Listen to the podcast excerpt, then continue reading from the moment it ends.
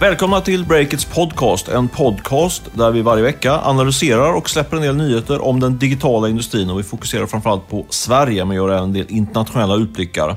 Eh, jag heter Stefan Lundell och driver också nyhetssajten Breakit tillsammans med Olle Aronsson som finns med mig här i poddstudion på Riddargatan i centrala Stockholm. Hur mår du nu just nu, Olle? Jag känner mig taggad. Underbart! I denna veckas podd avslöjar vi att ett av Sveriges mest hypade techbolag är på jakt efter nytt kapital. Vi har också nya uppgifter om EQT som är på väg att bygga upp en gigantisk finansdatabas. Och så tittar vi närmare på techvärldens största snackis just nu, den digitala sekreteraren X.AI, bland mycket annat. Yes, och vi har ett eh, fullspäckat avsnitt, men först måste vi ägna oss åt lite navelskåderi och släppa en rykande färsk eh, nyhet från Breakit. Vår årsredovisning är klar. Ja, tänka sig. Vi har ju varit lite, i alla fall jag har känt mig tveksam just till att prata för mycket om, om oss själva och vårt entreprenörsliv. Men det känns som nu när vi har pratat om det de sista poddarna att det har varit ett stort intresse för att få lite insiderinformation om, eh, om livet som entreprenör. Ja, eh, och eh, jag träffade faktiskt senast igår en entreprenör som sa att han tyckte att det var väldigt skönt att vi liksom avdramatiserar saker och ting genom att eh, vara så öppna med oss själva och hur det går när vi driver bolag. Men du, Stefan, hur blev själva bokslutet? Ja, om man skulle rubricera det i ett enda ord skulle man kunna säga att det är ett katastrofresultat. Eh, jag skulle nog sätta den eh, rubriken själv, kanske, men jag skulle nyansera det här lite grann. Eh, vi gjorde en omsättning på 1,8 miljoner kronor, men resultatet blev då minus 1,2 miljoner kronor.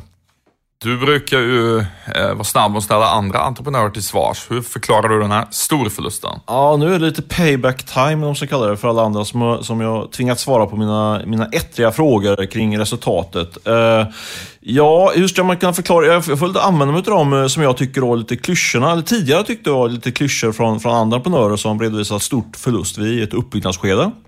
Vi fokuserar på tillväxt och allt går enligt plan, skulle man kunna säga. Eh, och det är som sagt svar, som jag fått tidigare när jag ställt frågor till eh, entreprenörer som har eh, tvingats redovisa stora förluster. Men eh, Just nu, jag, känner, alltså, jag tycker det är väldigt intressant det här själva skedet vi är nu. Att man, man, eh, dels så lär man sig mycket som entreprenör, men man lär sig ska jag säga, nästan ännu mer som journalist eh, av att driva ett eh, bolag som detta. Eh, jag får liksom helt nya insikter. Tidigare så har jag som sagt lite grann eh, vad ska man säga, lätt lite överseende när man fått de här, eh, de här lite klyschiga svaren eh, kring storförluster. Eh, men nu får jag en, eh, en helt annan insikt på riktigt. Liksom. Jag kan förstått resonemangen på teoretiskt plan, men nu förstår jag också på, på riktigt sätt helt enkelt. Man säga. Eh, för sanningen är att det går faktiskt bättre än planerat för Breakit. Eh, man skulle kunna säga förenklat att vi har investerat typ en miljon i en sajt och utveckling av sajten och personal. Eh, och just nu gör vi då vinst på månadsbasis. Men snart kommer vi göra förlust igen och det är också enligt plan för vi tänker oss att vi ska bygga upp en ännu större bas som vi lite senare kan kapitalisera ännu mer på än om vi skulle liksom vrida om och försöka bara göra vinst nu i, på månadsbasis från och med nu så att säga. Och eh, är det en bra investering då för våra ägare? Ja, det skulle jag absolut säga att det är. Eh, men fortfarande vill man ju, är det viktigt att påpeka att det är eh, hög risk. Jag menar, det här kan vi ju inne i någon form av eh, lite konstlad högkonjunktur nu i Sverige som gör att det är bra fart på, på annonsmarknaden till exempel. Men samtidigt, bygger vi upp en stor bas så tror jag att vi kommer att kunna kapitalisera på den även när det blir lite tuffare tider. Så jag, jag skulle säga köp på breaket fortfarande. Det var en liten uppdatering från vår eh, interna värld här på Breakit. Men vi har ju som sagt en hel del uppgifter och nyheter även om det som händer utan, utanför Breakit-huset. Eh, vi börjar med EQT Ventures, eh, den stora men fortfarande hemlighets, hemliga eh, riskkapitalfonden som EQT håller på att dra igång. Eh, den backas upp av familjen Wallenberg bland annat. Vad är det senaste nytt där, Olle Aronsson? Ja, nu börjar det sippra ut en hel del uppgifter om vad EQTs eh, eh, omtalade men också hemliga tjänst Motherbrain egentligen är för någonting. Och eh, det handlar i grunden om en gigantisk databas över alla techbolag i åtminstone Norden men kanske också Europa som ju ska vara liksom EQT Ventures spelplan. och, Konkurrent den... i vår databas? Ja, precis. Eh, och det är lite det som är intressant med det. Det är klart, eh, man kan ju förstå själv som riskkapitalbolag så det, kan ju de använda den där och ha den bara för sig själva och för att kolla, göra så kallad due diligence, alltså kolla om ett bolag är värt att investera i eller inte, om allt ser reko ut. Men eh, folk jag har pratat med frågar sig lite grann nu eh, att eh, hur kommer EQT egentligen hantera den här databasen som verkar vara ja, mycket mer ambitiös än vad något eh, riskkapitalbolag, åtminstone i Norden, har byggt tidigare. Vad är det för folk som du pratar med? Någon du träffar på ICA eller vad, vad är det för? Eh, nej, men personer, investerare som själva blir sugna på att använda den här tjänsten helt enkelt. Ja. Fundera på, är det här någonting som man eh, kommer kunna gå in och vem som helst kommer kunna gå in och, och leta på? Och blir det i så fall en konkurrent till ja, Crunchbase, ja, appen, emerging market, den typen av företag som, som tjänar pengar på att sälja den typen av information? Eller kommer EQT ha den här förmodat så eh, fantastiska motherbrain eh, för sig själv? Eh, det är en fråga som jag är väldigt spänd på att få ett svar på. För det... Men jag har fått känslan att den ska vara öppen för allmänheten. Ja, och precis. Och det är de, men i och med att de är så hemliga så vågar man inte slå fast det ena eller andra. Men det är den, de indikationer man får också. Mm. Då blir ju implikationerna i, i förlängningen att Eh, de riskkapitalisterna faktiskt går in och, konkurrerar med företag, ja, medier, affärsmedier och företag inom finansiell information. Eh, intressant tycker jag. Lite eh, ja, nytt sorts riskkapitalbolag och kanske på sikt farligt för oss affärsmedier. Vi kanske, vi kanske landar som att vi, vi börjar jobba för Hjalmar Winblad allihop en vacker dag. Precis. Eh, men du, den som lever får se. Eh, nu ska vi prata om vad som är på gång i ett av Sveriges absolut hetaste techföretag just nu, nämligen rekryteringstjänsten Score. Precis. Eh, vi var ju faktiskt på väg att använda deras eh, rekryteringsverktyg när vi eh, rekryterade två, tre spännande och duktiga reportrar här. Men, men vi hann ju rekrytera in folken innan, innan vi hann börja använda tjänsten. Men du var inne lite grann i det där. Hur funkar tjänsten? Jag tänkte du kunde berätta kort om det först. Jo, eh, Score anordnar tävlingar för till exempel programmerare. Och det är Eller liksom, journalister. Ja, exakt. Precis, eller vad som helst. Um, och Tanken är att istället för att uh, den som söker ny personal ska sätta in annonser och uh, ragga på folk på LinkedIn och så, så ska man trigga tänkbara uh, kandidater att anta en utmaning. Eh, genom eh, ja, en tävlingstjänst helt enkelt. Och det är någonting som Score har lyckats bra med hittills och liksom trigga programmerare som kanske egentligen inte söker jobb med liksom en utmaning och ett pris att eh, försöka lösa det här problemet. Och det har gått bra för dem hittills kan man väl summera. Ja, precis. Jag fick kontakt med Score här för ungefär ett år sedan och då drog de sin affärsmodell för mig. Jag tycker att det finns eh, framförallt ett väldigt sympatiskt drag med och det är att man man, det blir ganska demokratiskt. Alltså det är upp till var och en. Man spelar ingen roll vad man har för CV. Utan eh, vinner man tävlingen eller kommer placera sig högt upp där så, så är man med liksom i, i en rekryteringsprocess. Eh, en smart idé tycker jag. Eh, då för ett år sedan var de helt okända för mig, men eh, det visade sig att de precis då, då för ett år sedan hade tagit in eh, drygt 30 miljoner kronor i riskkapital, bland annat från Northzone. Så då det blev man ju nyfiken såklart. De hade gått helt under radarn eh, innan dess. Eh, och de har väldigt bra tillväxt eh, när det gäller antalet användare i alla fall. Eh, omsättningen har vi mindre koll på, eh, men den har dubblats. Så nu är det ungefär en miljon som ingår i deras databas. Eh, så de börjar bli eh, rätt stora. nyheten som vi har att prestera kring, kring det här bolaget är att de är på väg att göra en ny riktigt stor finansieringsrunda. För, och, och planen är vad vi förstår att ta in pengar till en fortsatt europeisk expansion ska plocka in någonstans mellan 100 och 150 miljoner kronor. Eh, vi ska väl påpeka att de eh, själva inte vill kommentera de här uppgifterna, eh, men eh, jag känner att jag har ganska bra källor på, på det där. Så det kommer följa med spänning om de får in de här pengarna. Det kommer bli en av de största rundorna under det här året för ett eh, techbolag. Ja, och medan du pratade där såg jag faktiskt fram eh, Student Competitions AB som är score här och eh, 2014, de siffrorna börjar bli lite gamla nu, men då omsatte de 17 och eh, en halv miljon. Så det är ett företag som har substantiell omsättning och en affärsmodell som i vart fall till ganska stor del har bevisat sig redan. Mm, fast vi ska väl lägga till att anledningen till att jag var lite svävande just kring omsättning att eh, 2014 är det ju känt, men sen har, vi, har de varit ganska så eh, svävande vad det gäller omsättning för, för 2015. Vi fick reda på hur mycket de omsatte sista halvåret och det indikerar att omsättningen har stått stilla. Men det vet jag inte, för de ville inte säga hur det gick eh, de två första kvartalen. Så det är lite eh, oklart. Eh, tillväxten i antalet användare är stark i alla fall, men omsättningen eh, får väl låta vara osagt tills vi har fått de aktuella och officiella uppgifterna från Bolagsverket. Eh, men nu är det dags för mig att smyga ut här några, en liten stund ur poddstudion för vi ska bjuda in eh, vår reporter direkt från fältet. Han anlände här eh, svettig och entusiastisk. Nej, svettig var han inte, men entusiastisk.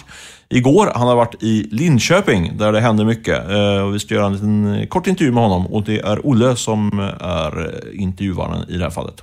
Vi hörs snart.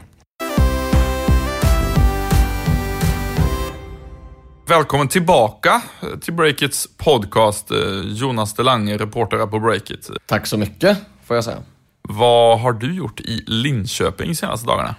Uh, jo, jag var där på en liten uh, dagstur och uh, hälsade bland annat på inkubatorn LID som ligger där uppe vid universitetet och uh, snackade också lite med ängelnätverket East Sweden Tillväxtkapital. Vad kan du berätta till att börja med? Vad, vad är liksom din bild av startup-scenen i Linköping? Ja, det är väl att den ligger ju onekligen en bit efter Stockholm. Eh, lite som Göteborg fast i ett ännu lite tidigare eh, skede om man ser framförallt att det liksom är kapitalbrist. Om man ska ha stora summor så får man liksom söka sig utanför stan. Eh, men där gör ju till exempel då EST, som är det här eh, ängelnätverket, eh, ett eh, väldigt viktigt arbete med att utbilda kapitalmarknaden skulle jag säga. Mm, just det. Så att det, liksom, det går att få in så små såddrunder från änglar och så kan jag tänka mig utan att, utan att åka till Stockholm eller London eller något sånt här. Men liksom nivån över det kanske är svårare. Ja, absolut. Ja, men alltså upp mot så här 5, 6, kanske upp mot 10 miljoner går liksom att eh, få till i regionen. Och så har de ju sin inkubator eh, där, eh, Lead, då, som faktiskt har en del bra bolag som alumner där. No, Narrative till exempel, som är den här kameran man sätter på jaktslaget som tar bilder hela tiden. Eh, Intuitive Aerial som vi har skrivit om, som gjorde kameradrönare för senaste Bond-filmen nu. Och eh, inte minst eh, Neo Technology som eh, ju är det här globala databehandlingsbolaget som har tagit in totalt över 40 miljoner dollar. Du, eh, är det liksom någon särskild sorts eh, startup som är vanliga i Linköping? Mm, ja, men jag, får lite, jag får intrycket av att det är lite samma som Göteborg just på den fronten då. Att man ser ett tydligt arv från uh, tungindustrin. Liksom. Det är väldigt mycket olika företagstjänster, mycket B2B. Eh, och ganska liksom, stor innovationshöjd om man säger så. Det är mycket, mycket intellectual property, eh, vad man nu kallar det på svenska. Eh, ja, men e- egna innovationer. Eller vad man säger. Ja. Just det. Så det, men det är lite mer, lite mer hårdvara kanske? Definitivt. Är det liksom eh, flyg-Saab då som är någon sorts epicenter eh, för, för det? Eh, ja, alltså det är ju definitivt där det kommer ifrån mycket. Sen så har du ju liksom ett bra tekniskt universitet liksom, där det kommer mycket, mycket studenter ifrån. Eh, så att Saab har med det att göra och sen så har du väl Siemens också som i och för sig ligger i Norrköping men som då har samma inflytande. Det är ju väldigt nära mellan de två städerna. Så att det, finns, det finns en del sån eh, tungindustritradition liksom, i, i regionen som jag tror då eh, är en av anledningarna till att det ser ut som det gör. Du, eh, jag ska ju till Linköping själv här nu eh, nästa månad. Om du får välja ett bolag som du tycker det här är så spännande. Det här kan du rekommendera till mig att jag ska träffa i stan. Vilket skulle du välja då?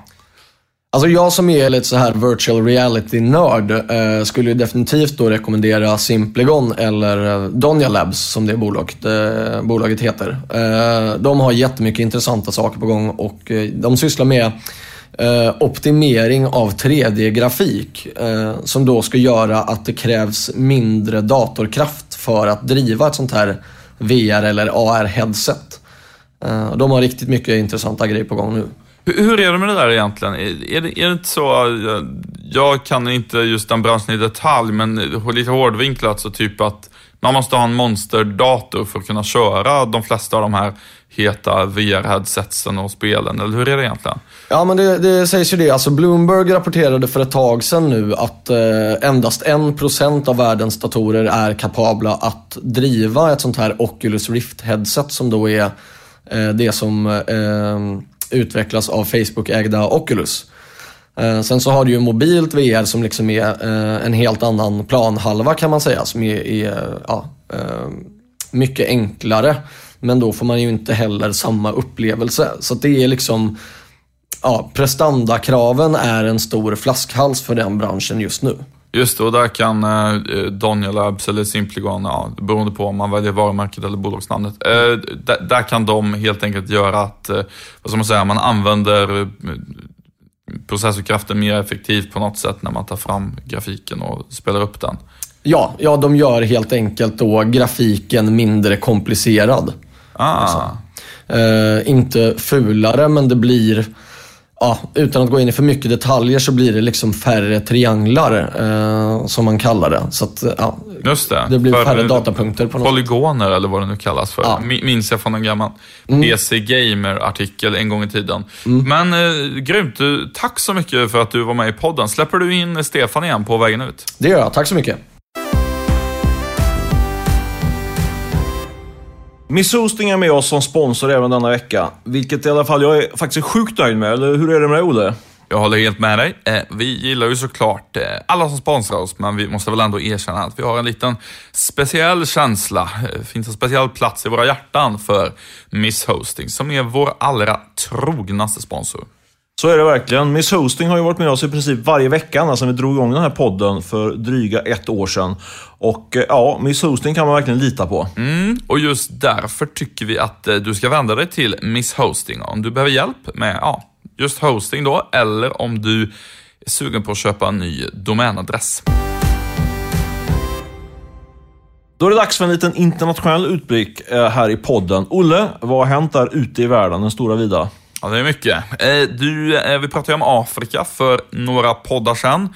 Nu finns det lite intressant uppföljning där att göra tycker jag. Eh, Africa Internet Group, som jag tror inte är superkänt för oss svenskar, men de ligger bakom eh, det största e-handelsföretaget i hela Afrika, Jumia, som är Afrikas Amazon eh, typ. Och eh, de meddelade idag att de får in 2 miljarder dollar i riskkapital från bland andra då Dollar? Två miljarder dollar? Nej, 2 miljarder kronor. Helt rätt. Eh, från eh, bland andra då Goldman Sachs, den eh, så välrenommerade, den kanske mest välrenommerade investmentbanken i, i världen, får man säga. Eh, och det är faktiskt en av de största rundorna någonsin i Afrika. Eh, Så att det är liksom en, eh, en riktig jätteexpansion sett med i varje fall eh, ja, eh, afrikanska mått, men även globala mått får man säga, som eh, Jumia nu laddar för bland annat länder som Nigeria och Rwanda, där allt fler spås eh, få tillgång till mobilt internet eh, de närmaste två åren. Ja, jag läste också om det här faktiskt i mitt lilla husorgan Financial Times här precis när vi gick in i poddstudion. Och eh, det är en tung investering. Samtidigt så var det lite orosmoment också eh, som de plockar upp i den här Financial Times-intervjun. Det är tydligen så, visste inte jag, men att det, under 2015 så var det bara en tiondel så många investeringar i e-handelsbolag i Afrika som det var i 2014. Och sen har den här Nespers som jag faktiskt känner till lite grann sedan tidigare. De är ju stora ägare i Avito, Blocket. Sydafrikanskt mediebolag typ. Exakt, och storägare i Blocket-kopian Avito som har svensk koppling i Ryssland. Eh, de har eh, minskat sin exponering mot e-handel, så inte bara positiva signaler från den afrikanska kontinenten. Eh, det förklaras väl med så här, lite grann på kort och lång sikt det där. På kort sikt så har man kanske övervärderat potentialen på den afrikanska marknaden medan man på lång sikt är fortfarande bullish för att kalla, använda sig av ett finansepitet. Eh, eller Ja, men så är det, så är det förmodligen. Eh, och det finns ju Sverigekoppling även i eh, den här eh, ja, rundan som eh, Jumia tar in. Eh, det, de har ju dels ett väldigt nära samarbete med Millicom, mobiloperatören som drivs av familjen Stenbeck och som har jättemycket kunder i Afrika. Och sen så finns ju som vanligt då Rocket Internet med eh, och investerar i rundan. Och där har ju familjen Stenbeck eh, stora intressen. Även om det har varit en del bråk där på sistone verkar det som mellan Stenbeckarna och eh, Samver som styr i Rocket. Det var lite liten utblick på den afrikanska kontinenten, men vi måste också plocka upp ett annat fenomen som vi har noterat ute i världen som heter, säger man X.AI eller hur ska man uttrycka Ja, men det ska man nog säga. Vad är det för något? Du har ju grävt lite vidare, grävt mer i det där mer än, för mig är det mest ett namn, X.AI. Ja, men det är väl, jag skulle säga, det mest hypade techbolaget på Twitter just nu. Eh, de har verkligen lyckats där med sin marknadsföring, får man säga. Och X.AI, det är helt enkelt en digital virtuell sekreterare som det är tänkt att folk ska kunna prenumerera på för sådär 10-20 dollar i månaden. Lite grann som den här Siri, eller? Ja, men Siri, grejen med den är att den ska göra eh, allting åt dig och svara på alla möjliga frågor. Och då gör det lite grann att den inte blir riktigt, riktigt bra på, på någonting utan är lite mer generalist så att säga. X.AI ska göra en enda grej och det är att boka möten åt dig. I varje fall till en början. Mm. Eh, och det funkar så att eh, om du mejlar mig till exempel om att vi ska ha ett möte. Då säger jag, ja, jag CCar in min assistent Amy här i mejlet så styr hon upp mötet. Och sen sköter hon det eh, eftersom jag har liksom förinställt min kalender för när jag kan ta möten och var jag vill ses och sådär. Och det går liksom till genom att ja, Amy skriver precis som en människa och förstår vad du svarar i mejlet och så. Ganska hög nivå av, av språkinlärning. Mm. Och det här är ju förstås otroligt hypat just nu bland en massa riskkapitalister och andra som är trötta på att sitta i mejltrådar fram och tillbaka om ja, var kan vi ses? Nej, jag kan inte den tiden och så vidare. Vad sa du? Sa du vad det kostar att använda den här säger Ja, men du, du, den är ju inte riktigt lanserad än, utan den är i en betafas då, så de har inte riktigt satt ner foten där. Men det kommer ju vara så klassisk B2B-tjänst, typ Dropbox och sånt. 10-20 dollar i månaden, du vet, den häraden. Mm. Poängen är då att massa typ mellanchefer och så runt om i världen som liksom inte har råd att ha en egen sekreterare kommer ju då få råd med det, eh, den här sekreteraren. Det låter som ganska bra tjänst tycker jag, spontant. Äh, och det, finns, det finns mycket. Eller? Ja, men verkligen. Jag är själv, jag står i kö bland många för att få använda den. Jaha. Eh, men det är stängd beta än så länge då. Det ska lanseras i vår, sommar någon gång. Och eh, givetvis har en hel del investerare vaknat till liv och investerat eh, i dem. Eh, bland annat Softbank, det stora japanska konglomeratet som är storägare till exempel det finländska spelbolaget Supercell. Eh, och eh, det finns en nordisk tydlig koppling här. Grundaren Dennis Mortensen är, är dansk, eh, även om bolaget drivs från New York. Och Eh, det har också kommit ut väldigt mycket spännande information för folk som har börjat testa tjänsten nu på sistone som jag hungrigt läser. Till exempel har folk försökt byta ut sin assistent på en drink och gjort alla möjliga tester liksom för att se vad tjänsten klarar av. Och den svarar alltid lika artigt och skriver eh, Tack så hemskt mycket för din inbjudan men jag kan inte komma och ta en drink med dig eftersom jag är bara en virtuell assistent och finns ja. ju inte i verkligheten. Ja, den, den, den fattar vad man säger helt enkelt. Um, väldigt, väldigt intressant. Uh, och känns, det, det, känns som den mest hypade startupen i, i västvärlden just nu, typ. Uh, och det är lite intressant att se att en del svenska bolag är inne på, på angränsande saker, får man säga. Vilka tänker du på då? Ja, men jag tänker, vad gäller mötesbokning såg vi ju nu QuickMeet som vi skrev om häromdagen, ett av bolagen i inkubatorn Think i Helsingborg. De sysslar ju med automatiserad mötesbokning, även om jag inte riktigt tror att det är på samma sätt som X.A gör. Eh, och sen så har vi en annan sån här chattrobot som jag kanske är, tycker är riktigt, riktigt spännande, som också finns i en inkubator i Skåne, näm nämligen bestämt eh, i Malmö på Fast Track. Det företaget heter Learner och det är en chattrobot för folk som ska lära sig matematik. Eh, som jag sådär på rak arm, när jag bara hörde om bolaget, tänkte direkt att det här borde ju liksom alla högstadieelever få i sin hand typ idag. Eh, en, en peppig robot som ja, svarar på dina frågor och förklarar varför du har gjort fel med ett mattetal och sådär. Känns, eh, eh, det känns hett det här med AI som sös. AI, specialiserad, nischad AI känns som. Mm. Kanske den bästa tekniktrenden här i 2016. Det låter som en bra eh, profetia. Vi vill, om vi ska vara ärliga, inte ensamma om att säga om att AI är hett under 2016. Men vi håller bra koll på det där. VR är ju något som också folk snackar om mycket. Det har blivit dags att eh, avsluta den här podcasten. Eh, vi fick ju som vanligt hjälp av Beppo ljudproduktion när det gäller klippning och vi spelade in det här på länk eh, till Södermalm i Stockholm där Beppo sitter och eh, eh, klipper och får ordning på det här. Så det blir eh, hörbart varje vecka. Det tackar vi för och vi tackar också att ni lyssnar vecka efter vecka. Eh, vi får också tacka Miss Hosting. Mycket tackande här. Men är det något annat vi ska säga innan Nej, vi stänger ner butiken? Nej, vi stänger ner butiken. Du ska springa på lunch och jag ska springa till en inte lika glamorös matlåda. Så vi, vi säger väl så. Ha det bra. Hej hej! Hej!